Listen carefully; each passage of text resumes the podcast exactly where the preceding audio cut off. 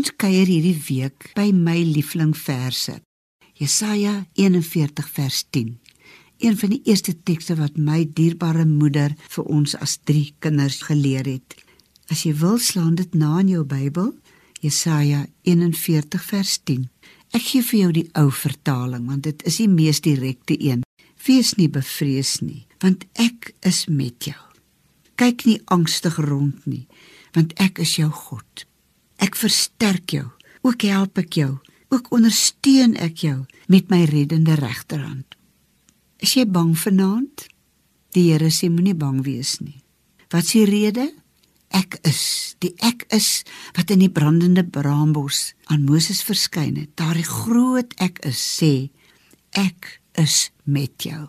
Jy kan my nie sien nie, jy kan my nie voel nie, maar ek is met jou. En ek bid dat jy nou die teenwoordigheid van God sal belewe. Hy sê vir jou moenie angstig rondkyk nie. Moet jy môre 'n operasie ondergaan? Het jy 'n moeilike afspraak by die bankbestuurder?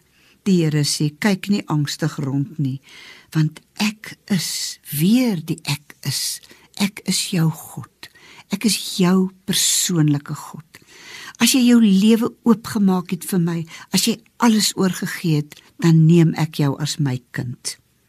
Die Here sê ek versterk jou, ook help ek jou, ook ondersteun ek jou.